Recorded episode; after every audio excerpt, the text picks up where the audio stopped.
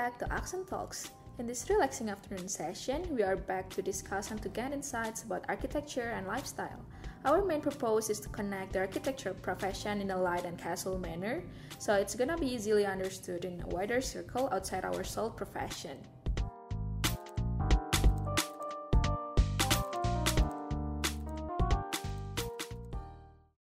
Selamat sore sekali lagi teman-teman yang sudah join di Accent Talks.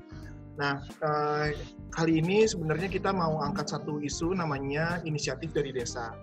Jadi kita perkenalkan lagi, Accent Talks itu adalah podcast mingguan yang berperan sebagai ruang diskusi dalam memperdalas memperluas pandangan mengenai dunia arsitektur dan desain dalam penggunaannya di kehidupan sehari-hari dengan obrolan ringan dan kasual, juga mudah dimengerti oleh lingkungan yang lebih luas.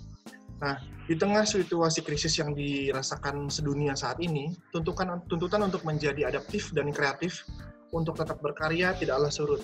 Mengingat perlunya keterlibatan dari semua disiplin ilmu untuk berjuang berjuang melawan wabah wabah ini. Masa karantina ini memang perlu effort lebih untuk menjaga kesehatan mental dengan cara keeping up to date dengan isu terbaru seperti seperti sekarang kita ini. Accent Talks menginisiasi program Responsible Ideas, di mana kami mengajak sahabat-sahabat dari bidang industri kreatif untuk berbagi ide dan berdiskusi bersama di video conferencing online. Nah, kurang lebih sebenarnya durasi untuk diskusi ini kurang lebih maksimal satu jam. Tergantung menarik apa enggak. E, harusnya menarik karena yang kemarin pun balas dari 30 menit jadi satu jam. E, yang lalu itu adalah Om Ben Nah, diskusi uh, ini bertujuan adalah ada beberapa tujuan. Satu, memperkenalkan inisiatif dari desa, dari Pak Singgi. Yang kedua, berdiskusi dengan partisipan mengenai inisiatif apa saja yang bisa dilakukan agar di masa slow life ini, akibat pandemik, bisa tetap produktif dan bermanfaat bagi halayak. Yang ketiga, uh, ada penggalangan dana juga untuk didistribusikan oleh langsung oleh Magno dan Sepedagi. Nah, kita mulai aja sebenarnya dengan uh, topik inisiatif dari desa. Kita sudah kedatangan pembicara kita.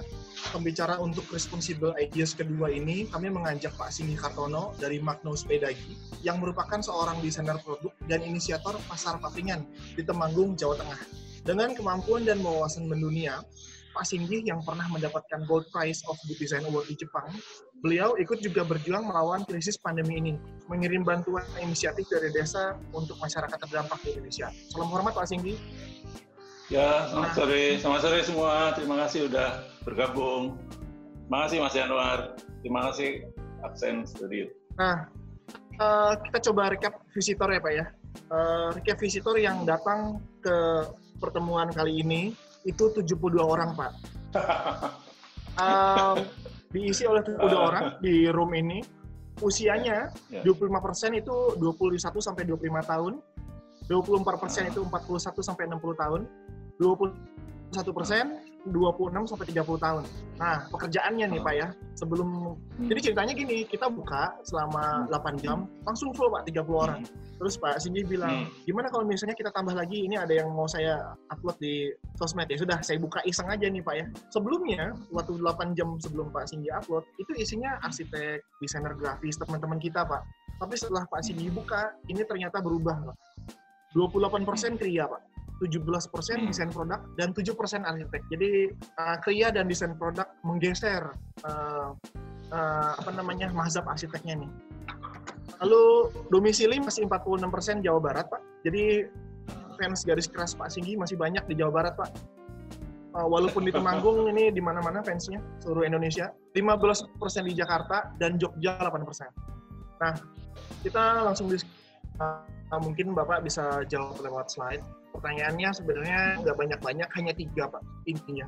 Hmm. Pertanyaan nomor satu, hmm.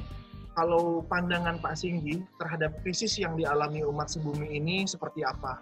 Terus uh, terkait dengan isu yang kita lempar sekarang, hmm. inisiatif dari desa, apa dan bagaimana program-program yang sedang atau akan diciptakan oleh Pak Singgi? Ya, uh, terima kasih. Uh, pandemi COVID sekarang ini sebenarnya paling gampang saya ngomong bumi ini capek dan dia ingin istirahat karena selama ini dari sejak revolusi industri kita tidak pernah ngasih istirahat pada bumi kita dia ingin berhenti ingin capek lah istirahat kayak gitu Nah, apa sih sebenarnya menjadi uh, refleksi bagi kita? Sebenarnya kalau dari sisi saya, virusnya itu siapa sih? Apakah COVID atau sebenarnya manusia itu sendiri? Jadi dalam satu postingan saya pernah bilang bahwa sebenarnya pandemik ini adalah pandemik yang meletus pada saat revolusi industri dan uh, virusnya adalah humona, humona industrialis. Jadi humona industrialis itu ya kita kita semua seperti itu. Tapi menurut saya ini satu titik yang sangat baik karena apa? Karena e, manusia itu sebenarnya hanya bisa diingatkan oleh bencana. Jadi saya ingin sebenarnya kita semua di saat ini bisa betul-betul berefleksi ya tentang apa-apa yang sebenarnya telah terjadi dan membuat semua ini seperti ini dan penting untuk menyadari bahwa e, bahwa virusnya itu kita jadi kalau kita sadar itu berarti kita tahu sumber masalahnya. Nah dengan cara seperti itu kita bisa kemudian berbuat uh, sesuatu yang kemudian konstruktif ya seperti itu. Oke, terus yang berikutnya inisiatif yang saya lakukan dalam pandemi ini uh, sebenarnya simpel aja karena basic saya kan sebenarnya desainer produk berbasis basisnya kerja craft dan saya banyak uh, terlibat di kegiatan Eh, berbasis revitalisasi desa dan kegiatan kreatif.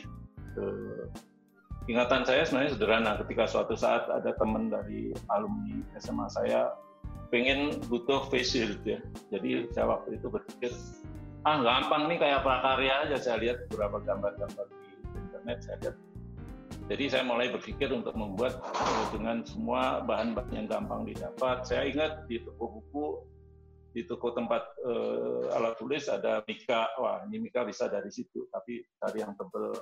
Saya terbiasa pakai karet IPA untuk uh, berapa yang dipakai untuk uh, model atau bikin prototype, berapa berapa kerjaan itu ya saya tahu. Caranya kayak gini gini gini saya tahu.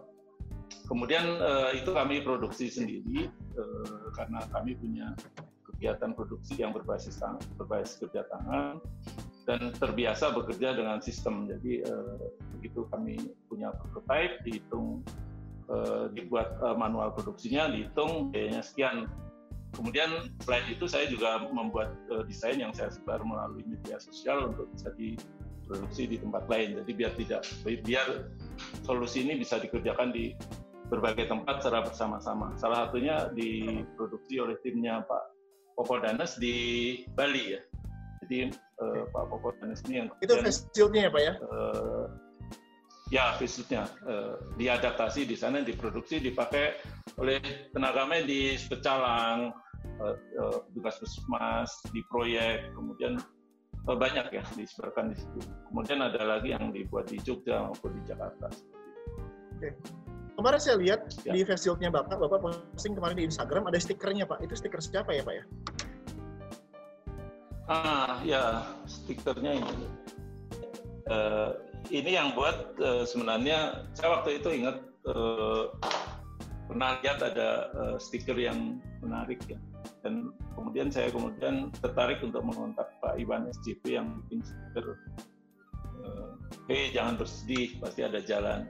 Uh, itu serial optimis optimistik ya dari optimis dan stiker sebenarnya bahasa saya pikir kata-kata ini menarik banget ya karena uh, saya nggak sepakat dengan istilah melawan uh, menghancurkan berperang dengan virus ya karena itu sebenarnya sebuah pembuktian bahwa kita sebenarnya tidak sepenuhnya sadar dengan apa yang terjadi sekarang yang harus kita lakukan sebenarnya berlindung dan introspektif ya. Nah ini Bapak boleh cerita sedikit Pak yang di bawah itu mengenai open source maskernya?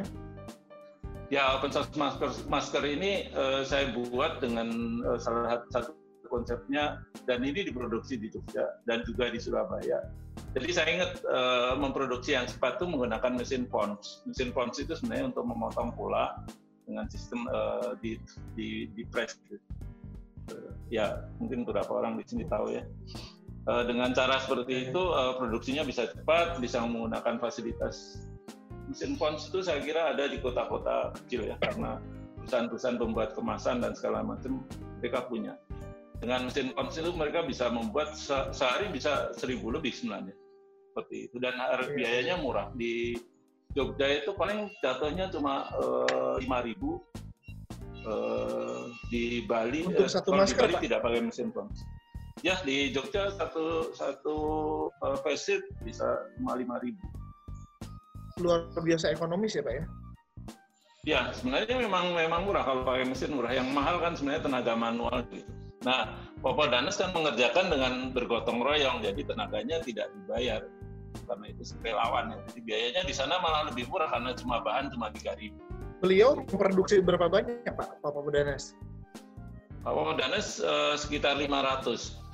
Oh, sekitar 500. Untuk dibagikan kepada pecalang dan uh, tenaga medis ya Pak ya? Oh, tenaga medis, tenaga medis, pecalang, uh, puskesmas, puskesmas ya, terus uh, orang yang mengerjakan di proyek dan segala dan banyak yang saya dapat juga. Ya ya ya. Nah, um, ini saya baca biografinya Pak Singgi, Pak.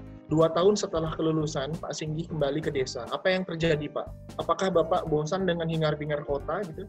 Alasan yang paling uh, paling paling nggak nggak mikir sebenarnya saya itu sebenarnya nggak suka keramaian, jadi saya lebih suka tempat yang tenang itu satu ya.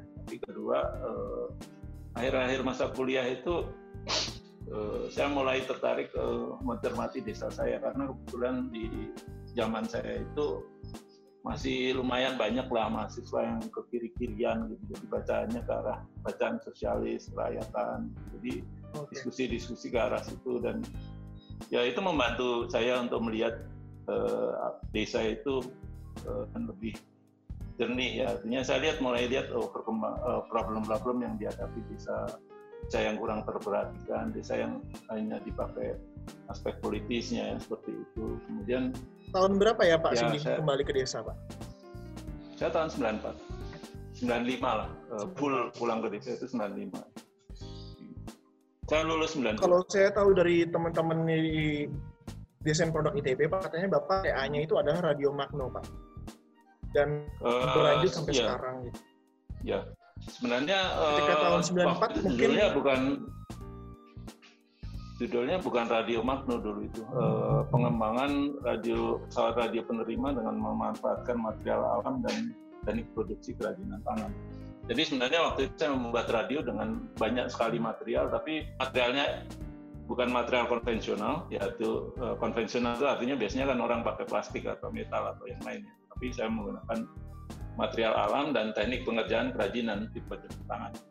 Kenapa seperti itu? Saya melihat kecenderungan di perkembangan eh, komponen elektronik. Komponen elektronik itu semakin lama semakin kompak dan semakin kecil. Jadi ini saya lihat sebuah peluang ketika eh, dia makin adaptif terhadap eh, pilihan-pilihan material casing yang beragam ya. Dan saya lihat Indonesia itu punya resource yang luar biasa di material alam dan metode produksi kerajinan sehingga ini kayaknya merupakan peluang yang sangat bagus untuk Indonesia. Tapi sebenarnya satu hal yang menarik adalah uh, waktu itu craft itu dianggap selesai, dianggap udah masa lalu gitu. Jadi waktu saya mengajukan TA juga uh, kelihatannya ah, ini proyek sepele gitu. Tapi waktu itu kemudian saya bisa eksplorasi yang cukup lumayan uh, impresif ya. Saya membuat radio tidak hanya satu prototipe, kalau nggak salah ada 5 sampai 10 Uh, salah satunya menggunakan kayu, tapi saya juga bikin uh, prototipe radio dengan keramik, dengan tekstil, dengan kayu, ya kayu tadi, dengan berbagai macam material. Kemudian ada satu yang saya ingat, saya membuat desain radio dengan referensi warna itu dari uh, warna-warna bulu burung. Jadi kenapa kemudian saya mengambil referensi karena burung itu kan bunyi, ya bunyi suara ya seperti salah satunya dan kemudian saya ekspresikan di situ. Nah setelah tugas akhir ya. itu kemudian banyak yang mulai mengambil tema-tema uh, kerajinan tangan dan material alam yang di kampus. Sekarang ada jurusan kria di eh, FSTR itu. Nah, saya pribadi pengen suka banget sama desain produk Pak, walaupun saya arsitek. Kenapa? Gara-gara dulu saya ditolak sama desain produk ITB Pak. Makanya saya masuk arsitektur. nah, demi ah. membalas membalas dendam saya terhadap desain produk, Pak, saya mengkoleksi iya. barang-barang yang saya pikir uh, baik menurut saya. Uh, yang desainer produk imun sebenarnya memiliki teori. Salah satunya adalah di terams. Jadi uh, mungkin teman-teman juga tahu bahwa produk Apple itu Johnny Ive uh, desainernya banyak terinspirasi terhadap di terams. Dan uh, apa ya uh, sampai diteram sini walaupun sebenarnya bukan ownernya Brown dia disebut Mr. Brown karena kemarin saya dapat link filmnya di Vimeo dan sangat terinspirasi setelah nabung sedemikian lama saya beli pak jam Brown itu saya hmm. pakai walaupun hmm. sekarang Apple Watch jam itu adalah satu produk yang penting nggak penting tapi saya suka aja yeah. nah terus yang kedua idola saya di desain produk Eh, nggak uh, jauh-jauh adalah Pak Singgi. Kenapa? Oh. Um, waktu itu tahun 2015 saya dapat radio Magno Mino Pak. Dulu ya. berpikirnya yeah. kan ya uh, teman-teman di saat itu mengkoleksi vinil. Uh, yang mungkin orang balik lagi Pak ya ke fisik gitu. Pada saat itu juga orang pada mengkoleksi uh, iPod Pak, iPod gitu ya, terus uh, gadget-gadget musik. Cuma saya berpikir kayaknya saya penasaran deh pengen nyobain si Magno. Dan waktu itu belilah Magno Mino pak. Dan kalau menurut saya desain yang baik itu merubah kebiasaan. Jadi ketika uh, sore-sore uh, abis mandiin anak gitu ya abis mandiin um, burung gitu ya merah burung saya pasti nyetel radio ini pak. Uh, Magno gitu terus ibu saya pasti komen gitu. Itu radio apa sih? Kok nggak ada tulisan gelombangnya segala? Saya cuma jawab simpel aja nah itu seninya gitu karena kalau saya tahu radio yang bagus, misalnya kayak LCBS ya Pak ya kalau di Bandung, nah itu saya tahu nih, hmm. tinggal geser sedikit tiga kali ke kanan, nah itu tuh kayak LCBS dan sampai sekarang Pak, sampai sekarang rusaknya pun gitu ya, saya mau uh, ketemu temanggung saya masih pakai sampai titik darah penghabisan Pak. Jadi terima hmm. kasih inspirasinya. Mungkin saya komentar sebentar sedikit eh, tentang Pak, radio uh, tadi ya Mas, boleh ya? Oke Pak, boleh boleh Pak. Ya, jadi radio uh, mungkin slide-nya dilihatin yang radio. Uh, radio radio Magno ini terutama yang Ikono ya itu uh, sebenarnya salah satu uh, kenapa kemudian desainnya seperti itu saya sebenarnya mengkritisi uh, dunia yang over consumerism jadi uh, produk banyak banget gitu jadi orang ber, cepat banget berganti-ganti dan kemudian relasi orang terhadap produk itu ya menjadi sangat longgar ya seperti itu. nah saya pikir ini sesuatu yang menurut saya tidak sehat, tidak baik. Kemudian saya mencoba me, me, me, me, apa ya, mencari solusi di desain adalah satu uh, kayu ya, karena kayu itu uh, adalah sebuah sebuah apa sebuah material yang punya ikatan emosional yang lebih dekat ke orang ya. Jadi kalau misalnya Eh, radio itu sebenarnya kalau saya sering analogikan kalau kita uh, duduk di kursi kayu ya radio itu suasananya radio kayu seperti itu. Beda dengan misalnya menggunakan material plastik apa yang kemudian desainnya saya buat basic simple itu karena memang uh, saya belajar dan saya pengagum uh, desain-desain dari Jepang maupun Skandinavia. Saya lihat kok mereka bisa bertahan lama ya kenapa? Saya coba cari resep dasarnya. Nah resep dasarnya itu ternyata satu adalah satu adalah basic. Pokoknya dasar aja. Kemudian yang kedua dia punya proporsi yang bagus. Jadi proporsi itu harus benar proporsi itu harus bagus. Kemudian kita punya detail yang digarap kemudian fungsional. Jadi semua produk saya yang uh, saya buat uh, produk Magno ini sebenarnya tidak ada yang yang disebut hiasan atau cuma tempelan semuanya fungsional. Semuanya fungsional dan semuanya digarap dengan detail yang bagus. Tapi tentu saja eh, teman-teman uh, mungkin uh, lihat nggak lihat prosesnya ya dari radio yang pertama saya buat tidak sebagus ini. Jadi setiap saat saya menyempurnakan seperti ini. Radio yang di foto di sini ini sebenarnya radio versi tahun 2007 ya. Oh ya mungkin cerita yang menarik lagi uh, radio itu kan tugas akhir tahun 92. Tapi saya baru bisa mengeksekusi tahun 2005.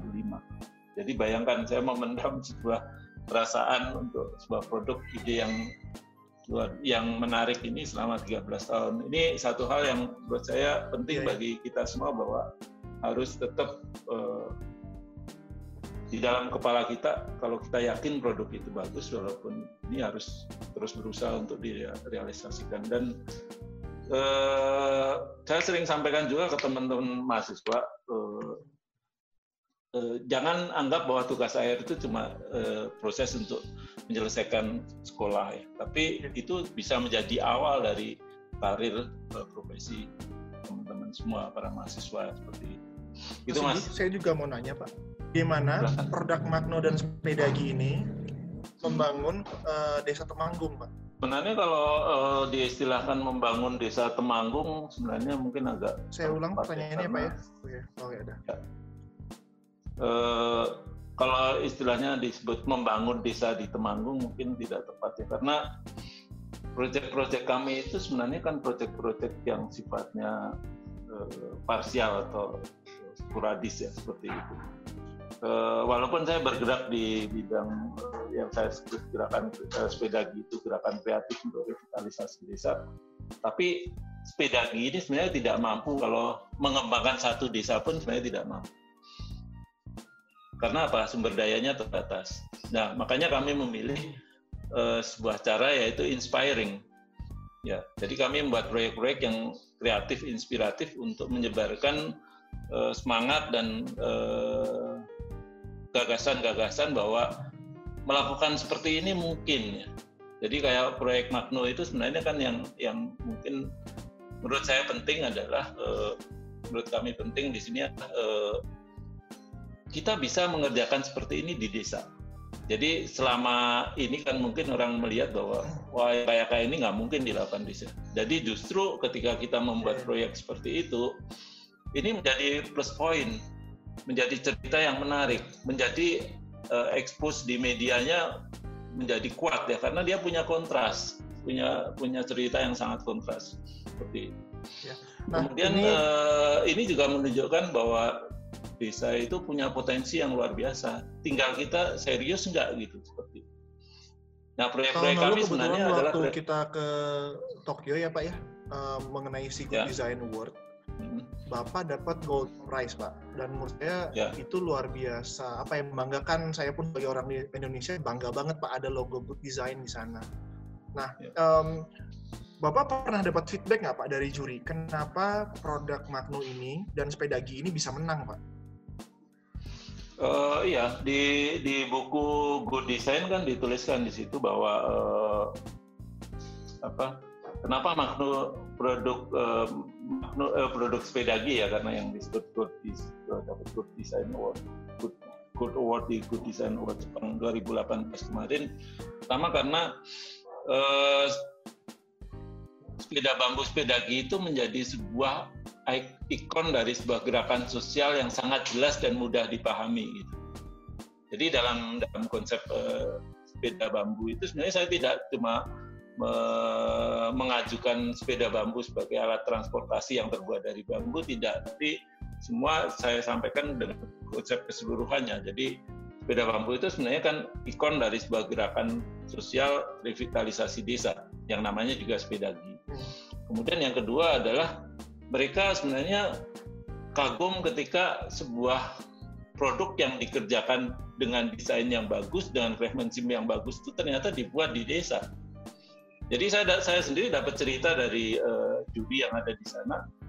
Juri itu uh, begitu lihat sepeda sepeda sepeda bambu saya, dia itu mengelus-elus bagian seat post yang bagian uh, seat post itu bagian uh, bawah saddle itu yang batang ke bawah itu kan di situ ada ceruk gitu.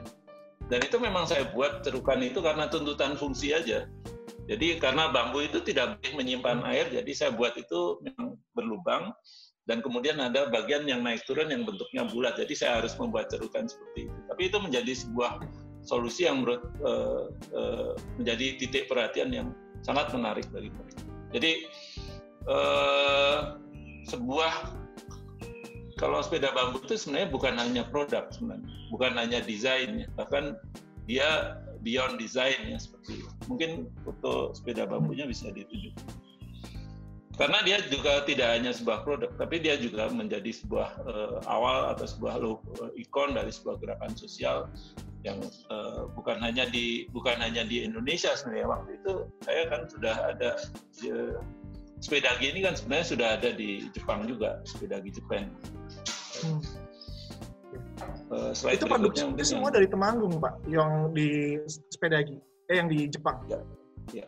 Yang oh enggak, kalau yang di Jepang enggak. Ya, jadi kalau yang kalau yang dilombakan ya dan beberapa sampel itu ada di sana. Uh, tapi saya sebenarnya tidak mau ekspor sepeda bambu ke Jepang.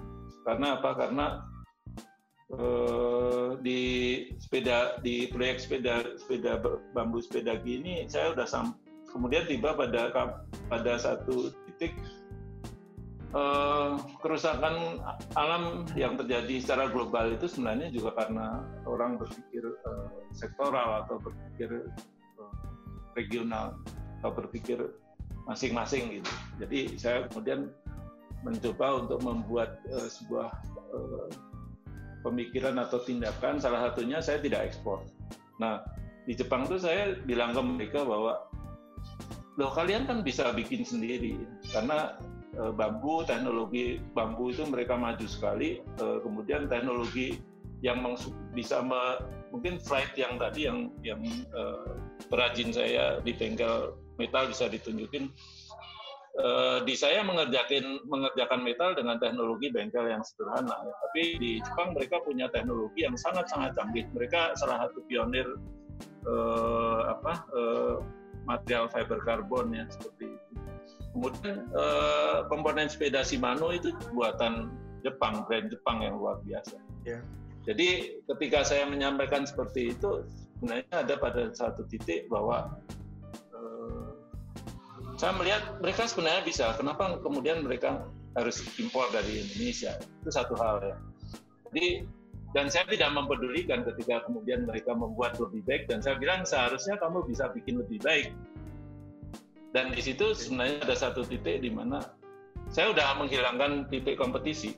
Jadi artinya saya tidak melihat di sana itu sebagai pasar yang saya bisa saya bisa tarik uangnya sebanyak-banyaknya. Saya juga bisa melihat bahwa mereka sebenarnya punya potensi. Mungkin mereka mereka lewat aja. Dan akhirnya mereka mengembangkan uh, kick baik ya untuk anak-anak dari dari bambu dan trade bisa ditarik ke bawah kayaknya ada itu yang di sepeda di Jepang terus bawah-bawah banget ya uh, dan dapat penghargaan dari Kementerian uh, Lingkungan di Kementerian Lingkungan di Jepang ya. Uh, ya yang kanan ini adalah buatan mereka ya sebenarnya. Buatan mereka. Nah ini kan sesuatu yang sangat menarik ya. Karena karena uh, kita tiba-tiba menjadi setara. Tidak ada negara maju dan tidak ada negara yang berkembang. Dan kami punya kebebasan untuk menyampaikan satu pandangan-pandangan yang memperkaya seperti itu. Bahkan saya bisa sering menyampaikan ke teman-teman partner kami di Jepang, Jepang itu negara yang sudah sangat maju, tapi orang-orangnya sudah sangat baik, tapi peraturannya terlalu banyak sehingga ini membuat mereka tidak bisa fleksibel. Negara yang maju itu adalah negara yang orangnya sudah sudah baik ya aturannya longgarin aja karena mereka sudah bagus. Nah hmm. kayak kayak gitu saya bisa melihat seperti itu. Kemudian di gambar ini eh, sepeda sepeda movement ini jadi salah satu mata kuliah di eh, di di kampus desain Tokyo Sokei University di eh, di di Jepang Tokyo. Oke, siap. Pak, mungkin boleh kita lanjut ke pertanyaan berikutnya ya Pak ya. Uh, ini ya, kemarin abis whatsappan sama Mas Zamzam, halo Mas Zamzam, ini pertanyaannya saya Wih, juga lanjutkan. Karena ini saya tahu ilmunya luar biasa mendalam Pak. Saya suka diterams dengan 10 Principle of Good Design. Tapi ternyata ada yang lebih keren dari Temanggung Pak. Ini prinsipnya sangat bagus sekali. Namanya CSSLV, Spiral Spiritual Sustainable Life Vision Pak. Boleh ceritain sedikit Pak? Mungkin kalau saya sudah baca sedikit saya terenyuh Pak. Uh, mungkin ini juga buat menginspirasi teman-teman bagaimana membangun kehidupan bukan hanya dari peraturan tapi juga dari impact dan uh, desain. Ya, uh, eh, CSSLV itu mungkin saya terangin dulu. Uh, CS itu singkatan dari Serial Spiritual, uh, SLV itu Sustainable Life Vision. Serial Spiritual ini satu sebuah konsep tentang apa ya menggambarkan apa yang sedang terjadi, apa yang telah terjadi dan apa yang akan terjadi, eh, apa yang seharusnya terjadi. Kemudian CSSLV ini sebenarnya kalau kita punya Pancasila ini Pancasila global sebenarnya ada lima sila juga seperti itu. Ya kita mulai dengan sila pertama. Sila pertama adalah ini hal yang paling mendasar banget dan ini sangat relevan dengan apa yang terjadi sekarang. Satu adalah e, sila pertama tumbuhnya kesadaran peran utama manusia, makhluk yang paling cerdas di muka bumi ini sebagai pemelihara dan penjaga alam. Ya. Ini menjadi pengingat kita semua dan eh, perlu direnungkan kita semua. Kalau kita benar menjadi pemelihara alam dan penjaga alam, bisa jadi eh, bencana seperti ini tidak terjadi. Tapi apa yang kita lakukan selama ini, terutama sejak revolusi industri dan kehidupan industrial itu, kita lihat berapa banyak hutan yang hilang,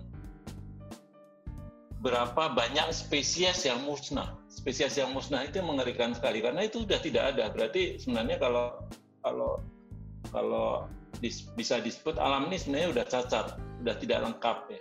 Ini menjadi sebuah, sebuah kerugian yang luar biasa. Mungkin dampak sekarang itu belum kelihatan, tapi saya yakin ini alam itu sebuah sistem yang lengkap ya, dan dia punya batas-batas tertentu yang kemudian kalau ada yang hilang ada sesuatu yang kemudian menjadi berdampak negatif. Mungkin apa yang terjadi sekarang fenomenya seperti itu.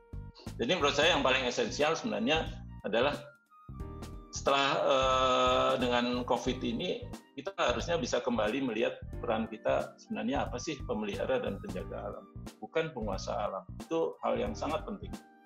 Kemudian yang kedua adalah kalau kita ngomong terhadap ngomong tentang uh, sustainable life, sebenarnya apa sih yang harus juga di, diperhatikan adalah uh, proporsi antara populasi manusia dan kapasitas alam untuk mendukung.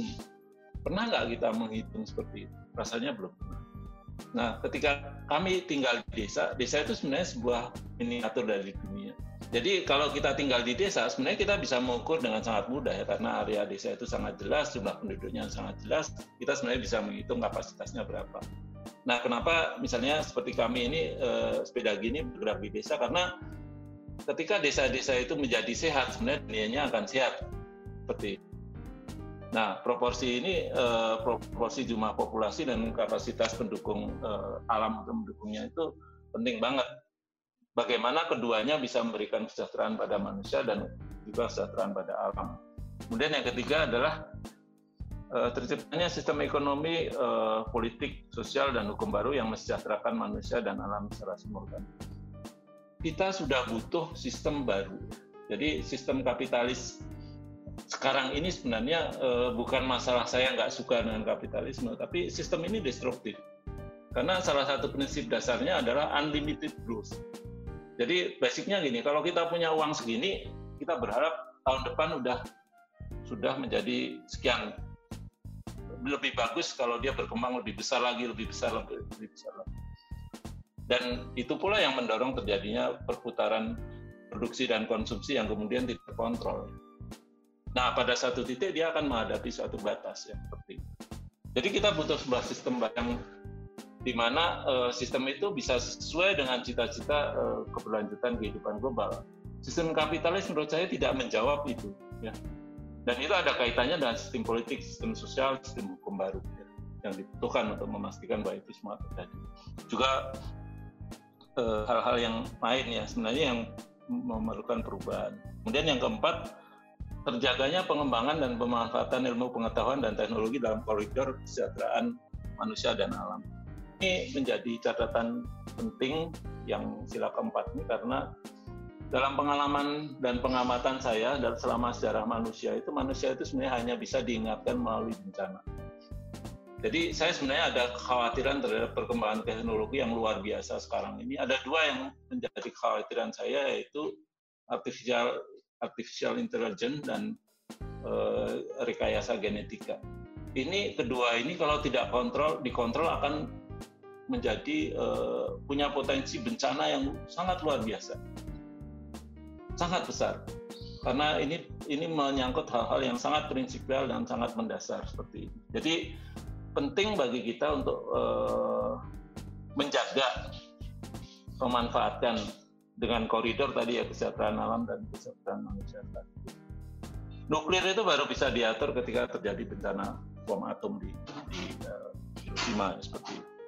Kemudian yang kelima, Terciptanya hubungan internasional yang didasarkan pada prinsip kesetaraan, keberagaman, persaudaraan, dan kegotong royongan Jadi eh, dunia ini akan lestari kalau ada kesetaraan. Sekarang banyak hal yang tidak setara, banyak sekali hal yang tidak setara. Bagaimana Donald Trump tiba-tiba menstop uang untuk WHO? Kalau kalau setara nggak akan seperti itu. Kemudian mungkin tidak semua orang sadar bahwa PBB dengan lima negara hak veto itu sebuah organisasi yang masih layak sekarang. PBB harusnya perlu segera direorganisasi. Harusnya dibalik tuh, bukan United Nation, tapi harusnya Nation United. Jadi ini hal-hal yang mendasar seperti itu. Dan yang menarik lagi, PBB ini kan yang mengeluarkan SDGs, Sustainable Development Goals. Ketika Sustainable De Development Goals ini uh, ya ini ini di di slide ini kelihatan ya yang di sini. Jadi uh, mungkin sekalian saya jelasin secara spiritual ya mas. Biar uh, boleh pak boleh. nanti bisa sekali silakan pak. Ya. Jadi uh, di diagram ini uh, saya menjelaskan tentang uh, di mana sekarang posisi kita. Posisi kita itu sebenarnya ada di era industri Eh, kemudian uh, posisi negara maju sekarang ada di mana? Posisi negara maju adalah meninggalkan era industri ya, karena mereka sebenarnya merasa era industri itu memberikan uh, kekayaan, memberikan kesejahteraan material, tapi pada sisi yang lain secara spiritual mereka hilang. Terjadi kerusakan alam, terjadi global warming dan segala macam hal yang kemudian menjadi uh, perhatian mereka. Makanya salah satu yang menjadi indikasi gerakan ke arah sana adalah back to nature. Kemudian gerakan eco dan segala macam gerakan sustainable movement itu menjadi sebuah indikasi ya seperti itu. Kemudian mungkin uh, kembali ke uh, yang lebih umum lagi, uh, diagram teral dan spiritual ini sebenarnya menggambarkan tentang uh, perubahan itu sebenarnya tidak hanya linear ke depan ya. Jadi perubahan itu sebenarnya tidak hanya lurus ke depan. Perubahan itu adalah juga simpangan eh, vertikal, yaitu simpangan spiritual dan material. Perubahan dari satu era ke era yang lain itu sebenarnya eh, terjadi karena adanya ketidak atau dirasakan suatu ketidakseimbangan. Jadi eh, kalau, kalau kita ingat revolusi industri itu kan terjadi di Eropa dan kalau ditarik mundur sebelumnya ada Renaissance movement ditarik mundur lagi ada uh, protes Galileo dengan helio konsep heliosentris melawan gereja. Jadi waktu itu dominasinya gereja atau saya kemudian sebutkan di sisi spiritual spiritual yang dominan. Nah kemudian dia meluncur terus sampai ke era industri, yaitu era industri seperti itu. Kemudian eh, pada era industri sudah dirasakan ketidaknyamanan baru bagi pionir-pionir negara industri, maka kemudian bisa. Nah, di mana posisi negara belum berkembang atau negara sedang berkembang. Negara belum berkembang atau sedang berkembang itu sebenarnya mereka ada di garis yang tengah. Nah kalau garis tengah itu kalau ditarik ke kanan itu ada tulisan spiritual. Spiritual itu adalah kondisi seimbang, di mana aspek spiritual dan material itu seimbang. Di era sebelum industri, era pra-industri itu di negara-negara Asia terutama yang belum berkembang atau sedang berkembang kehidupan tuh uh, menyatu ya. Sebagai contoh, orang-orang di desa itu kalau misalnya uh, menanam padi dia pasti ada ritual-ritualnya. Kelahiran, segala macam banyak sekali uh, rentetan ritual karena semua itu selalu menjadi sebuah kesatuan. Nah, tapi kehidupan yang seperti itu memang terasa menjadi sangat monoton dan membosankan. Jadi ketika ada di dunia luar mereka melihat perubahan-perubahan yang di didorong oleh uh, industrialisasi ini seperti uh, apa ya sesuatu yang sangat impresif dan kemudian kalau saya sebut adalah munculnya fenomena disorientasi. Jadi disorientasi itu sebenarnya satu kondisi di mana kita kemudian tidak tahu diri kita di mana, kita siapa, akan menuju ke mana, karena ada perubahan, ada sesuatu yang sangat impresif dan berubah sangat cepat. Nah, makanya kemudian eh, negara-negara itu kemudian ingin menjadi negara industri dan sekarang itu salah satu ukuran menjadi negara maju ketika dia bisa mengikuti negara industri ukuran seperti itu. Nah, yang menarik adalah dari diagram, mungkin kembali ke diagram spiritual spiritual tadi. Slide-nya dilihatkan di sana. Eh, yang dituju oleh negara-negara maju itu secara value itu sebenarnya sama dengan apa yang sedang ingin ditinggalkan oleh bangsa-bangsa di negara belum maju atau sedang berkembang. Jadi masa depan itu sebenarnya adalah masa lalu yang muncul kembali dalam wujud baru bangsa-bangsa maju bisa melihat itu sebagai masa depan, tapi kita sendiri tidak bisa melihatnya sebagai masa depan karena bosan dan juga inferior kalau menurut saya. Jadi sebenarnya ada peluang untuk bisa menyetarakan dengan bangsa lain adalah dengan merubah mindset kita untuk bisa melihat apa yang di dekat kita ini sebagai masa depan. Jadi proyek misalnya sepeda bambu. Sepeda bambu itu sebuah contoh tentang hal seperti itu karena dia dibuat dari material yang sudah dianggap tidak penting yang murah ah bisa bikin apa sih dengan bambu orang desa nggak percaya seperti itu tapi ketika kemudian saya buat eh, kami buat menjadi sepeda bambu ini menjadi sebuah contoh kemudian juga pasar papringan ya mungkin slide pasar papringan bisa ditunjukkan pasar papringan ini sebenarnya sebuah contoh tentang bagaimana kita melihat eh, masa lalu itu sebenarnya masa depan masa masa depan itu sebenarnya masa lalu yang muncul kembali dalam uh, di pasar papringan uh, slide pasar papringan.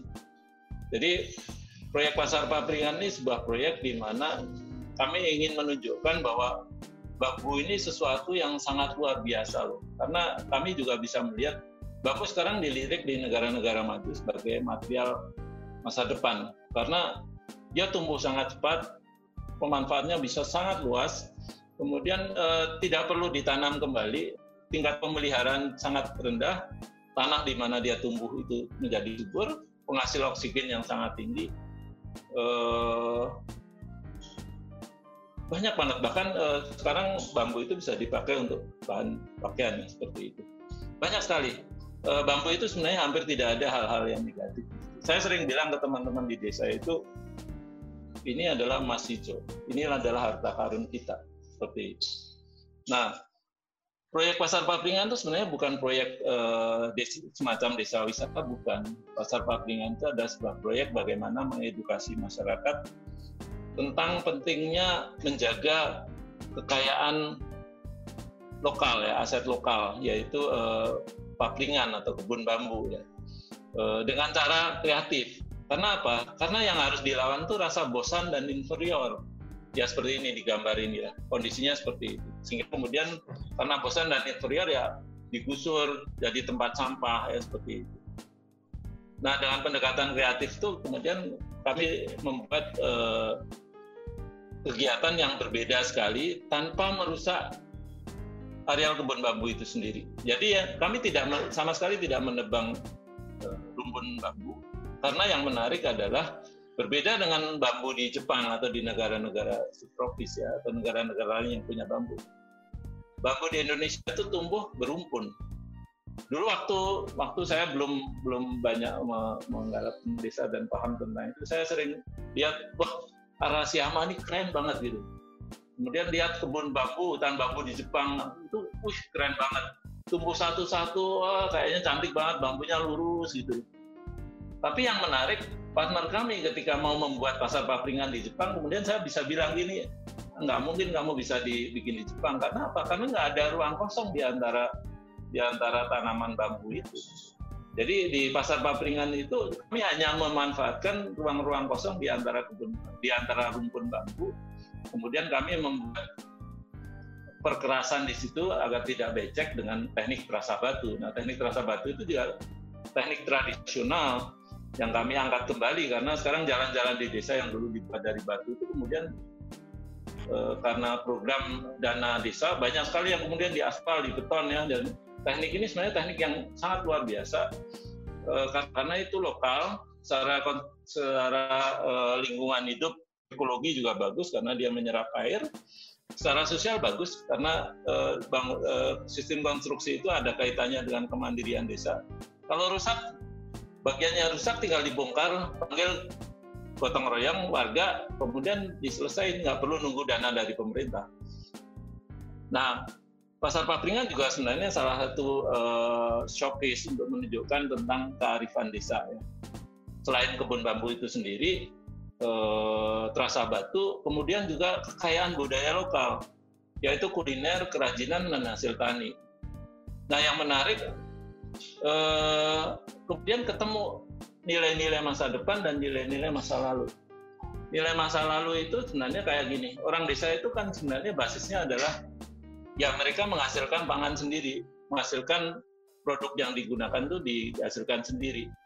Nah, kedekatan dengan sumber dan konsumen ini sebenarnya dalam bahasa eh, bahasa bahasa kerennya sekarang adalah traceability dan locality. Dan itu dampaknya kan pada pengurangan emisi karbon. Dampaknya lagi kan pada produk yang berkualitas seperti itu. Pasar Papringan dari sisi kuliner dia uh, gluten free di sana makanan itu gluten free. Karena apa? Karena di desa nggak ada gandum sebenarnya. Jadi kami hanya menggunakan tepung dari ketela pohon. Kemudian tidak ada sampah. Karena apa? Karena dekat kemasannya juga pakai natu, pakai keranjang bambu untuk belanja e, dibungkus daun pisang seperti itu. Semua di situ. Dan ketika semuanya dekat, memang tidak perlu kemasan yang berlebihan seperti itu. E, ini semua value tentang masa depan. Dan sebenarnya ada di kehidupan tradisional itu ada. Hanya kita melihatnya sebagai masa lalu. Kalau kita melihatnya sebagai masa depan, bisa melihatnya sebagai masa depan, kemudian kita akan akan mengangkatnya kembali dan melihat ini sesuatu yang baru. Menjadi setara dengan bangsa-bangsa ya, lain tidak ini, harus. Ya. Ini pertanyaannya lumayan banyak kita coba uh, beralih ya Pak ya. Uh, kita masuk ke, okay, dari sesi ya. satu ke sesi ya. dua yang mungkin lebih aktif.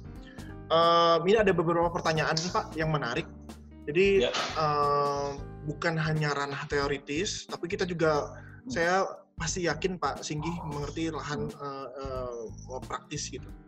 Ini pertanyaan hmm. pertama Pak dari uh, namanya Jus. Ini Mas Jus apa Mbak Jus? Hmm. Ini saya coba hmm. artikan sedikit ya Pak ya. Uh, kalau di Bandung Pak ya, ada petani keren Pak, namanya Barbecue Mountain Boys. Dia di Jayagiri, luar hmm. biasa keren. Hmm. Followersnya banyak, YouTube-nya, hmm. subscribernya banyak. Terus dia menggiatkan orang untuk bertani. Itu udah kayak dua tahun lalu Pak. Dan dia um, uh, di Jayagiri hmm. luar biasa bagus. Yeah. Terus yang kedua, saya juga lihat bahwa kalau saya suka nonton Netflix, ada Ghibli Pak. Sekarang film-film Ghibli itu bercerita ya. tentang desa di Jepang, Pak. Hmm. Itu kan berarti yeah. meng menggiatkan orang untuk melihat kembali katakanlah masa lalu untuk yeah. jadi masa depan. Nah, pertanyaan dari Mas Jus ini uh, menarik. Bagaimana untuk membuat pergerakan kembali ke desa mendapat perhatian di kalangan anak muda yang biasanya berpikir industrialis dan materialis? Mungkin tambahannya karena asumsi saya branding di anak muda di kota lebih keren dan maju dan udah lama dan jadi tren gitu. Jadi memang harus lebih banyak lagi eh, contoh-contoh uh, atau model eh, hal-hal yang keren yang bisa dilakukan di desa.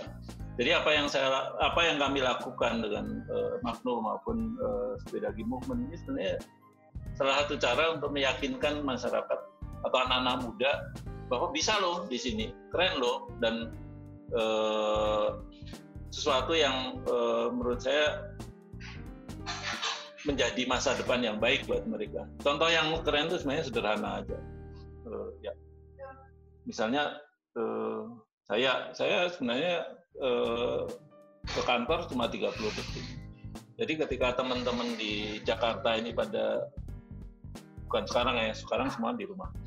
Uh, lagi macet-macetnya di jalan, saya lagi sepedaan keliling desa dengan udara yang segar dan saya bisa menjaga kesehatan saya sendiri dan saya mengendarai sepeda yang saya buat sendiri sepeda yang dapat Good Design Award di Jepang saya pikir ini sebuah contoh yang menurut saya keren ya yang bisa menarik anak-anak muda karena memang anak-anak muda seperti itu dan saya yakin contoh tadi tentang pertanian yang dilakukan di Bandung seperti itu dan banyak lagi contoh-contoh yang lain tapi kita butuh yeah. lebih banyak lagi hal seperti itu uh, dan okay. memang harus dibangun uh, sebuah lembaga-lembaga yang uh, bisa memberikan kemudahan ya bagi anak-anak uh, muda itu untuk kembali ke desa.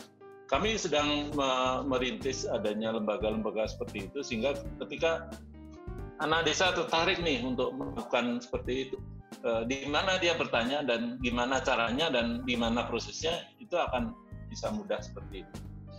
Kemudian uh, hal seperti ini kan kita sedang dalam proses merubah sesuatu atau uh, ingin membawa ke arah yang baik. Ini prosesnya nggak bisa langsung tiba-tiba uh, berubah dan uh, waktunya menjadi perlu sangat singkat. Uh, ini bukan sebuah kegiatan yang sifatnya disruptif dalam arti dengan teknologi digital kemudian semuanya menjadi berubah seperti itu tidak. Tapi ini adalah sebuah proses perubahan peradaban. Dia membutuhkan momentum-momentum ya. Dan pandemi COVID ini sebenarnya salah satu momentum ya untuk orang melihat bahwa desa itu sebenarnya sebuah tempat yang keren. Bagi contoh misalnya sekarang lah, di, kita tahu mungkin Baduy Dalam ya, Baduy Dalam di sana. Baduy Dalam mungkin sebuah tempat yang buat mereka pandemik itu tidak ada dampaknya dan buat pemerintah tidak ada beban lagi. Jadi sangat meringankan kemandirian hidup mereka itu betul-betul membuat ringan dan membuat masyarakatnya sendiri uh, sejahtera dan tidak terganggu situasi seperti ini. Kemudian buat pemerintah sendiri sebenarnya tidak ada beban sama sekali sekarang. Bahkan mereka itu kalau tidak dapat dana desa aja menurut saya mereka tetap akan jalan. Bahkan mungkin kalau dikasih dana desa bisa jadi mau buat apa uang di sana orang tidak menggunakan uang. Setahu saya kayak gitu ya. Jadi Siap. mereka sistem itu okay. seperti sangat menjawab Pak. Kita masuk ke pertanyaan kedua ya Pak ya. Ini pertanyaan ya. dari Mas Fadli Putra. Uh, pertanyaannya adalah, jika ingin mengikuti langkah Pak Singgi untuk kembali ke desa, selain hal positif, apakah akan ada dampak jika sebagian penduduk kota kembali ke desa? Apakah itu akan mengancam ekosistem yang ada? Uh, ya, pertanyaan yang bagus ya. Betul. Kalau uh, kembali ke desa ini uh, dilakukan dengan secara masif dan tiba-tiba tanpa perencanaan Kedua, kalau orang banyak banyak uh, kejadian juga orang-orang di kota itu kemudian kembali ke desa, tapi menurut saya itu bukan satu hal yang uh, kami maksudkan dalam gerakan uh, sepedagi movement ini. Jadi mereka pulang ke desa dan membeli tanah dan tanah itu kemudian tidak tetap ya karena uh, sebenarnya tujuannya hanya untuk nampung. Kemudian orang yang uh, kerja di kota kemudian pensiun di desa dan dia tidak ngapa-ngapain cuma menikmati hari tua itu saya juga tidak terlalu setuju. Tapi kalau dia pensiun di desa kemudian menggunakan waktunya untuk mengembangkan atau membantu masyarakat desa itu satu hal. Ya tentu saya nggak bicara tentang hak dan tidak berhak ya. Siapa pun berhak melakukan itu. Kemudian yang berikutnya adalah bahwa eh, desa itu perlu disiapkan untuk bisa me, me, me, menampung atau me, me, me, menangkap perpindahan ini dengan jadi sebuah yang positif ya seperti seperti tadi lah. Seperti tadi ngomong tentang lahan ya. Orang kota biasanya punya duit dan dia ketika pulang tidak ada kafling tadi ya pak ya? ya. Jadi salah satunya bisa begitu karena dia wah dia melihat peluang-peluang, ah, aku punya modal nih, saya bisa membuat lebih besar lagi. Dan tanah di murah dan banyak orang yang memang di desa itu pengen sekali menjual tanah. Karena apa? Karena lahan-lahan pertanian itu semakin sempit, semakin tidak menarik untuk e, diolah karena hasilnya menjadi semakin sedikit. Jadi ini sebuah suatu kondisi sosial yang kalau ditekan itu akan menjadi makin buruk. Ya. Di sebelah kiri ini ada profesi Raja Kafling. Ini foto ini nyata ada di di sekitar desa saya seperti itu. Karena desa nggak punya master plan ya, seperti itu. Jadi yang harus dilakukan adalah eh, desa harus membuat perencanaan dan pemetaan. Kemudian teman-teman yang dari kota itu harus eh, datang itu dengan sebuah kesadaran bahwa kesadaran yang paling penting itu sebenarnya sederhana. Bagaimana mereka eh, bisa tinggal di desa dan menjadi sejahtera.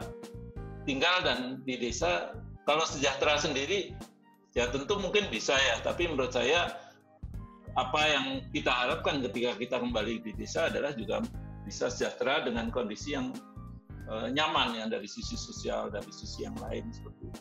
Nah itu memang harus dipersiapkan seperti itu. Kemudian uh, redistribusi populasi itu menjadi penting ya karena apa?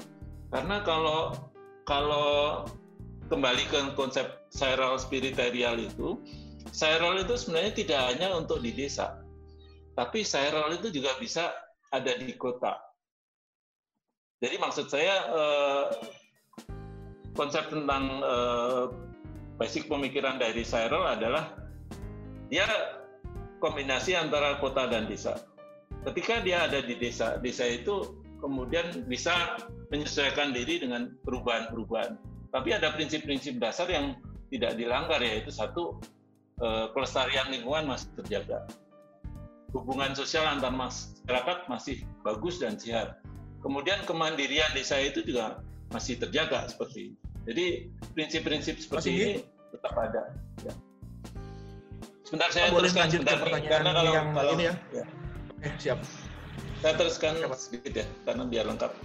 Kemudian Cyril yang ada di kota adalah uh, orang di kota kota itu sebenarnya akan selalu ada ya.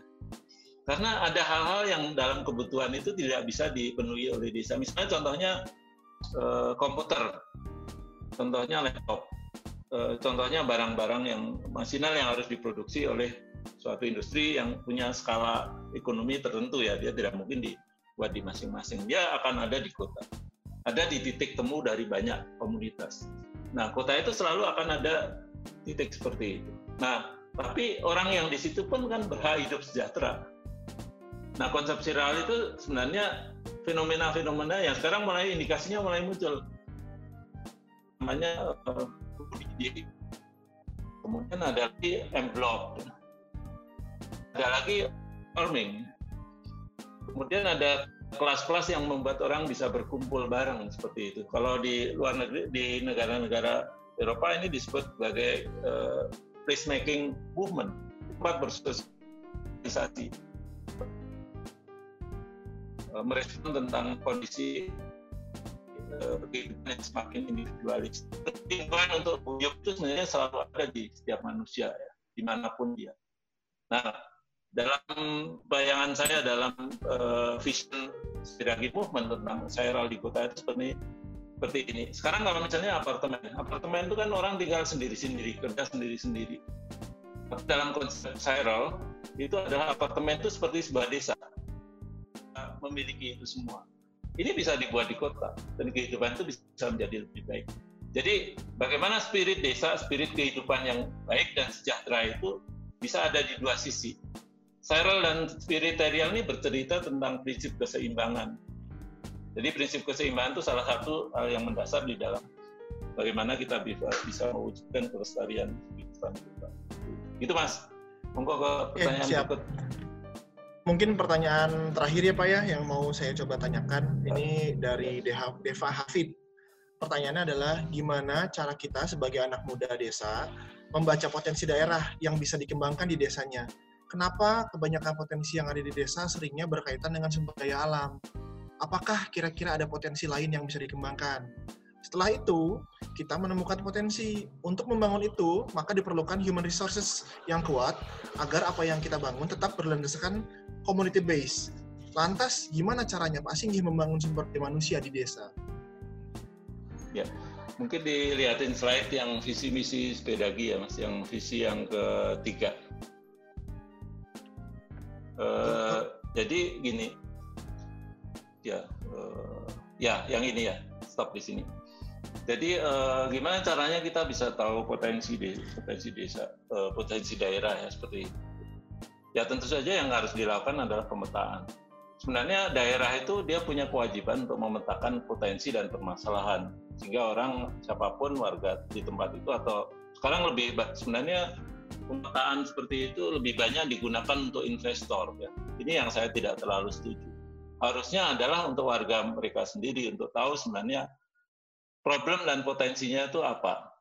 Kalau dilihat dari diagram ini, eh, ini sebenarnya saya gambar ini sebagai sebuah eh, ekosistem di desa yang maju ya. Di sini itu menarik sekali bahwa desa itu sebenarnya bisa punya bank diri saya yakin sebenarnya kalau desa itu dikelola benar mereka bisa sumber punya sumber keuangan sendiri. Sekarang itu tidak bisa karena apa?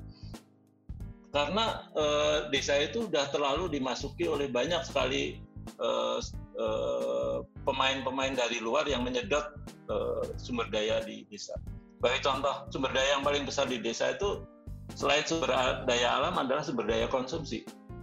Karena apa? Karena mereka belanja tiap hari, warung tapi bayangkan sekarang di desa itu warung itu setiap ada orang yang punya jendela atau uh, halaman atau apalah mereka bisa buka warung. Nah, potensi sumber daya dari konsumsi ini kemudian terpecah-pecah dan tidak menyatu. Sebenarnya salah satu sumber mendirikan bank di desa itu adalah kooperasi konsumsi. Seperti itu. Sebuah contoh seperti itu. Eh, kemudian di desa sebenarnya bisa di, di, dikerjakan banyak sekali hal yang menarik ya. Apa yang kami lakukan di sini sebenarnya adalah uh, kegiatan uh, ekonomi kreatif. Jadi kalau tadi bicara tentang bahwa selalu berkaitan dengan sumber daya alam. Yang saya lakukan, yang kami lakukan sekarang masih berbasis sumber daya alam ya, misalnya kayak uh, sepeda bambu atau produk-produk makro yang dari kayu ya. Tapi di tempat-tempat lain sekarang itu banyak sekali. Saya kenal dengan orang di yang tinggal di di desa dan dia kerjanya linknya internasional. Dia menjadi agentnya dari Amazon Kemudian kalau kita lihat googling lagi akan ada banyak orang-orang yang bekerja di desa di daerah yang dia punya akses untuk ke mana-mana. Kenapa? Karena era sekarang itu adalah era open dan connected. Dengan adanya teknologi kemajuan teknologi informasi dan komunikasi, kita sebenarnya bisa bekerja di mana saja. Ini yang sebenarnya menginspirasi salah satu yang menginspirasi saya pulang. Jadi waktu saya eh, tahun-tahun terakhir masa kuliah saya baca buku Alvin Toffler yang berjudul Future Shock. Di situ dia meramalkan bahwa di masa depan akan ada banyak orang yang bekerja di tempat-tempat terpelosok, remote areas ya. Mereka bisa bekerja seperti itu karena apa? Karena kemajuan teknologi informasi dan komunikasi. Dia waktu itu mencontohkan tentang profesi penulis ya, yang dia bisa bekerja di mana saja sepanjang ada akses eh, komunikasi, dia bisa lakukan seperti itu. Tapi saya yakin sekali bahwa itu akan terjadi dan saya memimpikan saya bisa bekerja di tempat yang nyaman, dekat dengan alam, tidak terlalu riuh, tapi saya bisa berkomunikasi secara internasional, terhubung secara internasional, dan ya saya udah di masa depan sekarang. Jadi ketika kita sekarang ini melakukan, saya sebut Uminar ya, karena ini pakai Zoom ya, seminar pakai Zoom. Ini masa depan. Masa depan itu ada sekarang. Dan saya ingin menunjukkan berbagi dengan teman-teman betapa ini sesuatu yang sangat menyenangkan ya. Dan Indonesia dengan 74 ribu sekian desa itu harusnya eh, melihat desa itu sebagai sebuah potensi. Mungkin slide yang ada kemacetan jalan dan eh, ibu-ibu sedang menganyam bambu itu ditunjukkan.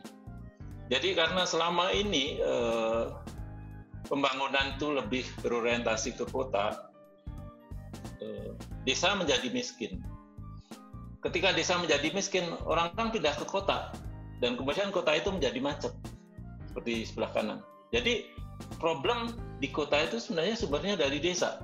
Di kota mau bikin jalan tol sebanyak apa pun, mau bikin jalan layang setingkat berapapun, membuat MRT, ya. semua proyek-proyek itu sebenarnya saya paling tidak setuju. Karena apa? Karena itu salah. Dan alasan lain saya juga bayar pajak, tapi saya nggak ditanya boleh nggak bikin proyek kayak gitu? Sama Pak, saya juga nggak setuju. Harusnya, ya, harusnya orientasi pembangunan itu di difokuskan ke desa, diprioritaskan ke desa. Kalau desanya makmur, orang yang ke kota akan sedikit, kota akan menjadi nyaman. Seperti. Desa selalu menerima yang paling sedikit, paling terlambat, paling jelek. Kota selalu sebaliknya, kota menerima paling banyak, paling cepat, dan paling baik itu yang membuat eh, desa-desa tidak. Sekarang ada perubahan sih. Desa mendapat dana desa yang cukup besar ya. Itu sebuah kemajuan. Tapi menurut saya ya sebenarnya terlambat gitu, terlambat lama banget gitu. Tapi ya nggak apa-apa lah. Itu suatu kondisi yang, yang menurut saya baik seperti itu. Jadi itu ya. tadi ya eh, hal-hal yang tadi. Nah dari diagram yang desa tadi mungkin ditunjukkan lagi ada saya mau nyebutin hal yang penting di situ di tengah itu Mas ada ini bukan bukan pertanyaan, tapi ada masukan dari Pak Agus Gusnul Yakin. Beliau bilang bahwa Pak Singgi mohon agar konsep CSSLV ini di-share secara luas agar menjadi gerakan bersama. Ya, eh, kami lagi merencanakan eh, sebuah event namanya eh, Spiritarial Spiritual Festival. Ini sebuah festival online ya. Jadi memang kami pengen banget menyebarkan ini karena kami tahu ini satu hal yang penting buat bukan hanya buat Indonesia, buat uh, bangsa-bangsa lain, tapi konteks Indonesia ini penting sekali. Kalau kita mengambil arah yang benar, kita itu akan mereduksi banyak sekali wasting, banyak sekali kesalahan-kesalahan, dan kita akan bisa setara dengan bangsa lain. Sederhana aja ketika saya bilang ke bangsa Jepang, aku nggak mau ekspor, karena kamu bisa. Itu udah setara, walaupun kita nggak harus kemudian jadi persis secara ekonomi seperti di mereka tidak tapi ini kesetaraan itu menjadi jadi satu hal yang penting seperti itu. Nah di diagram ini di tengah itu ada tulisan contextual education. Ini juga menjadi salah satu sumber kenapa kemudian desa itu mengalami degradasi seperti sekarang. Pendidikan yang ada di desa itu sekolah dan sekolah itu sangat berbeda sekali dengan contextual education. Materi sekolah-sekolah itu tidak kontekstual dan ini menjadi problem ya karena apa? Karena masyarakat kemudian tidak eh, anak-anak muda kemudian generasi muda tidak tahu potensi dan problem desanya itu apa. Kemudian tidak tumbuh rasa percaya diri atas desanya. Mereka kemudian menjadi malu dengan desanya dan pergilah ke kota seperti itu. Nah, pendidikan kontekstual itu sekarang punya momentum yang sangat baik ya karena kemajuan teknologi informasi dan komunikasi sudah memungkinkan di mana pun akses internet itu mayoritas sudah sudah bisa terakses. Jadi artinya di desa itu kita sebenarnya bisa bikin pendidikan yang kualitasnya misalnya hafal. Bisa, kenapa tidak? Gitu. Karena itu memungkinkan. Kemudian kita juga bisa membuat uh, pendidikan di desa itu tidak perlu uh, kalau dalam konsep uh, education mungkin tidak perlu berjenjang kelas, tapi sifatnya misalnya kita buat uh, learning center di mana learning center itu ada uh, guru yang nyata dan juga uh, guru yang virtual yang misalnya kita bisa akses di mana pun tempat di sebuah desa yang jauh itu bisa terkoneksi dengan lembaga-lembaga uh, pendidikan internasional tapi dia juga bisa punya workshop penelitian yang sesuai dengan apa yang ada di desa. Misalnya desa itu banyak menghasilkan rempah-rempah ya. Di situ mungkin studi tentang uh, farmasi menjadi sesuatu yang penting ya seperti itu. Nah hal yang penting lagi adalah eh, pendidikan kontekstual itu perlu orang di desa itu atau anak-anak muda itu untuk secara temporer keluar. Karena apa? Kalau dia tidak keluar, dia tidak akan bisa melihat dirinya sendiri. Jadi kalau saya tidak sekolah ke Bandung, saya tidak bisa punya pandangan seperti ini. Tapi sifatnya temporer dan itu bisa dilakukan dengan uh, membuat uh, mutual program dengan atau exchange program dengan orang-orang di kota bahkan di luar negeri ya. Jadi misalnya tiga bulan sekolah di kota, orang yang anak-anak di kota tiga bulan sekolah di desa. Ini akan jadi sesuatu yang bagus karena orang kota pun akan lihat, oh desa ternyata banyak sekali hal yang saya tidak ketahui dan menarik dan berharga dan punya value-value yang berharga. Orang desa ke kota, dia bisa melihat dirinya dari jauh. Oh ternyata yang saya punya uh, juga berharga ya juga bernilai. Karena apa? Karena di kota ternyata dia tidak bisa gini, gini, gini, gini, seperti itu. Nah, kemudian eh, hal yang seperti ini akan membuat eh, masyarakat di desa tidak akan terjerabut. Dia akan tetap ada di situ. Nah, ini juga pola-pola seperti ini akan meringankan beban pemerintah ya. Eh, kalau dilihat di di uh, diagram spiral spiritual coba dilihat ada hal-hal yang menarik sebenarnya di situ itu ada istilah-istilah baru yang saya buat. Uh, memang kalau dicari di Google belum ada karena ya saya ngarang sendiri aja. Boleh percaya, boleh tidak sih. Jadi uh, era yang di, di depan itu sebenarnya adalah saya sering juga sebut era kopi susu. Artinya uh, era itu blending, nyampur ya. Kenapa kemudian era itu nyampur? Karena orang di era industri ini sebenarnya orang belajar dengan cara dipecah-pecah biar mereka bisa mampu mempelajarinya. Makanya muncul spesialisasi. Muncul spesialisasi profesi dan segala macam. Nah, pada prakteknya spesialisasi itu kemudian justru memberikan dampak yang tidak baik ya. Kalau dulu orang mau bikin usaha ya, orang tua selalu bilang, ya kamu bikin usaha aja, nggak usah mikir tentang kegiatan sosial itu sering sekali didengar. Tapi sekarang kita tidak mungkin membuat sebuah usaha yang hanya mikirin bisnis. Ah nggak keren, mungkin nggak ada pasarnya nanti. Makanya munculnya social enterprise. Kemudian yang di bawahnya itu ada saya bikin istilah community. Community itu gabungan dari government dan community. Sebuah e, negara atau bangsa yang maju itu tidak mungkin hanya di, di, di, ditentukan oleh peran pemerintah. Community ada era di mana peran pemerintah dan peran masyarakat itu seimbang dalam menentukan e, kehidupan di kemajuan sebuah negara ya, seperti itu. Saya sering mengkritik tentang disrupsi yang terjadi akibat kemajuan teknologi digital disrupsi itu hanya mengarah hal-hal yang berbasis terutama yang sebagian besar uh, di bidang-bidang yang kaitannya dengan bisnis. Tapi ada hal yang sebenarnya harus didisrupsi dengan sangat dan itu mendesak sekali yaitu sistem politik. Dengan teknologi digital sebenarnya kita sudah tidak perlu partai. Sistem partai ini sangat-sangat mahal, sangat-sangat koruptif, dan sangat tidak efektif. Ya dengan sistem digital harusnya kita bisa melangkah lebih maju, bisa membuat sistem pemerintahan itu menjadi lebih accountable, lebih transparan, aspirasi masyarakat bisa terjalur cepat. Seperti itu. Ini era komunitas era ke depan itu seperti itu. Ya, Terus Hamco Center itu gabungan antara human dan nature. Ya, kalau Cyril gabungan antara eh, city dan rural. Kemudian spiritual itu maksudnya contohnya sederhana banget.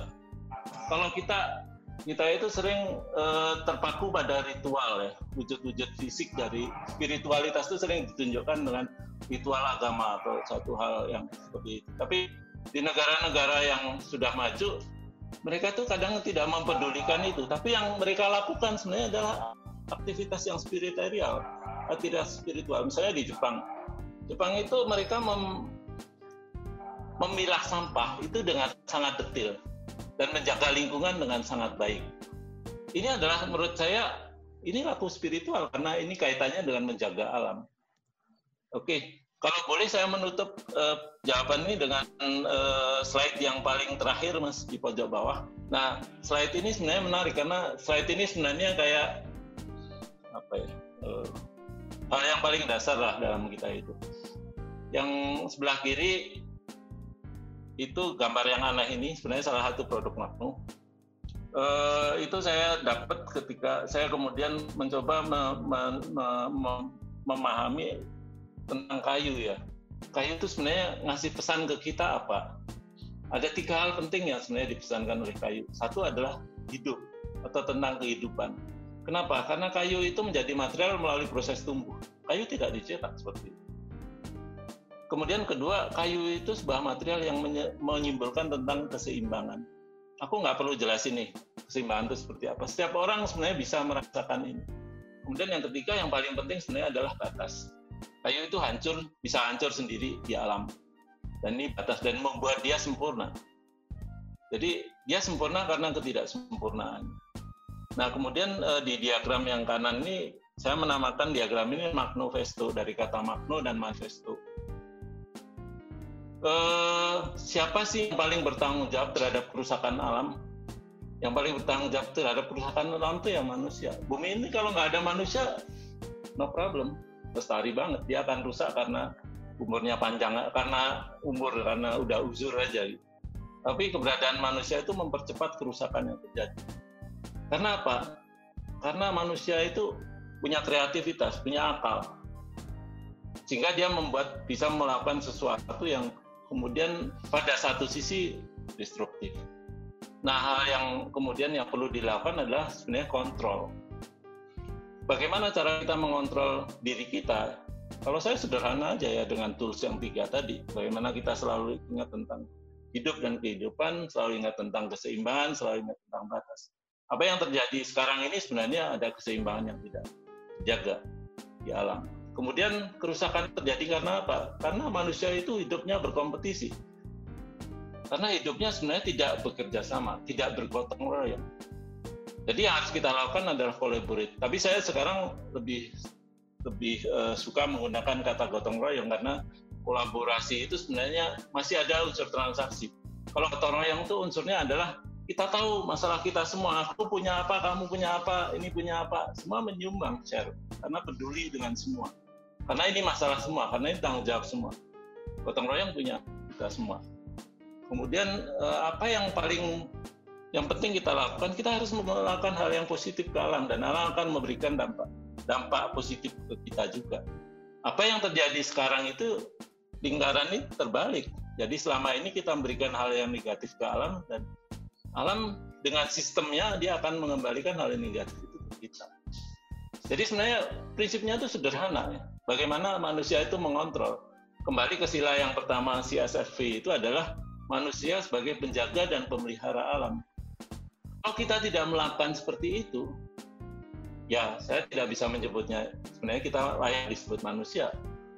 Mungkin disebut dengan bukan manusia karena harkat manusia itu sebenarnya sebagai pemelihara dan penjaga alam. Nah, dengan definisi seperti ini sebenarnya seharusnya banyak sekali yang kemudian harus berubah, harus berubah. Ketika kehidupan kita ingin menjadi lebih baik. Kemudian value-value ini semua ada di Pancasila. Ya. Value post industry itu semua ada di Pancasila. Jadi sekarang ini momentum yang sangat-sangat baik untuk kembali ke membawa Pancasila itu dalam kehidupan nyata. Menurunkan dari yang ditempel di dinding dan dihafalkan di buku-buku sekolah membawa kehidupan sehari-hari. Dan value Pancasila ini keren banget. Dan ini menjadi value yang sangat universal dan dibutuhkan umat manusia bukan hanya Indonesia. Itu mas. Terima, terima kasih banyak Pak Singgi. Mungkin sebelum ya. kita tutup, uh, saya coba rangkum tiga kesimpulan besar ya. Maaf kalau misalnya ada yang salah mungkin nanti boleh tambahkan. Kesimpulan pertama itu adalah untuk menghadapi krisis ini sebenarnya kita harus gotong royong dengan semangat sesio entrepreneurship seperti yang dilakukan oleh Magno dan Sepedagi yang sudah lakukan serta mulai berpikir untuk memulai kemandirian ekonomi yang tidak bergantung dari daerah luar. Yang kedua, menekan habit overconsumption untuk masyarakat dengan membuat desain yang basic, fungsional, proporsi baik, dan umur yang panjang. Lalu melakukan gerakan yang inspiring bagi warga sekitar.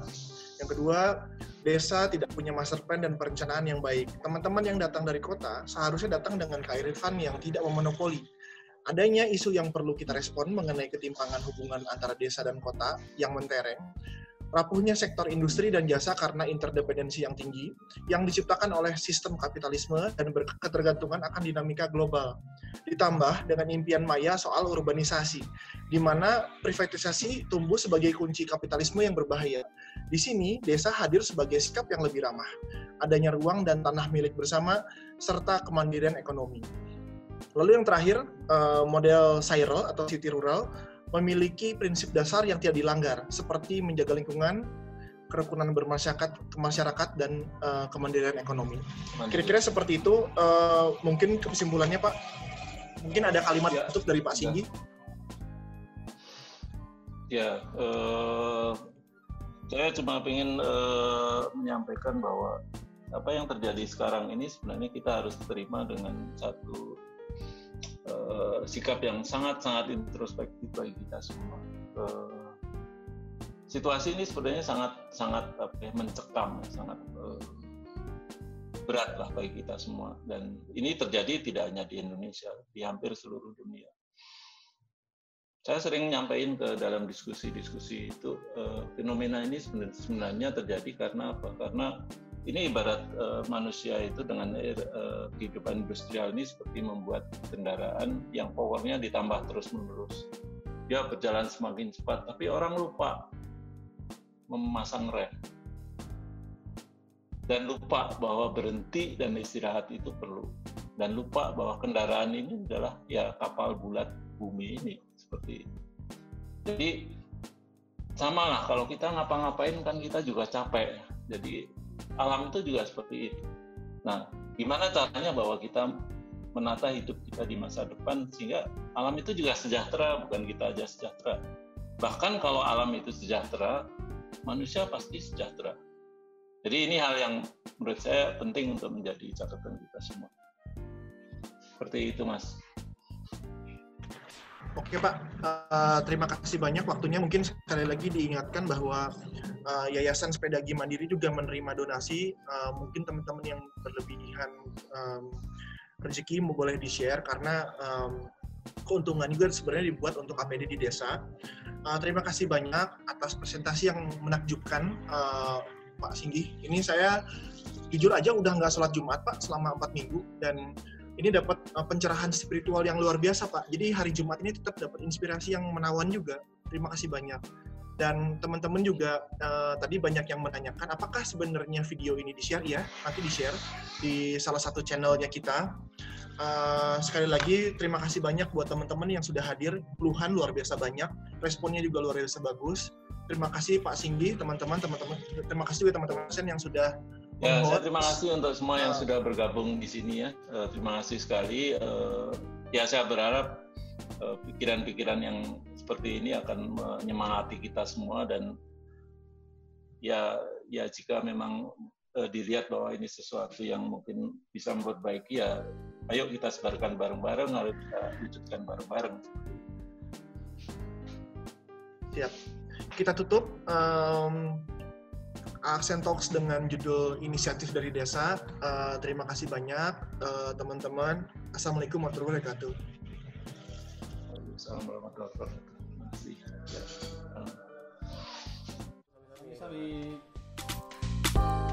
Thank you for listening. Please stay tuned for more exciting content about architecture and lifestyle. See ya!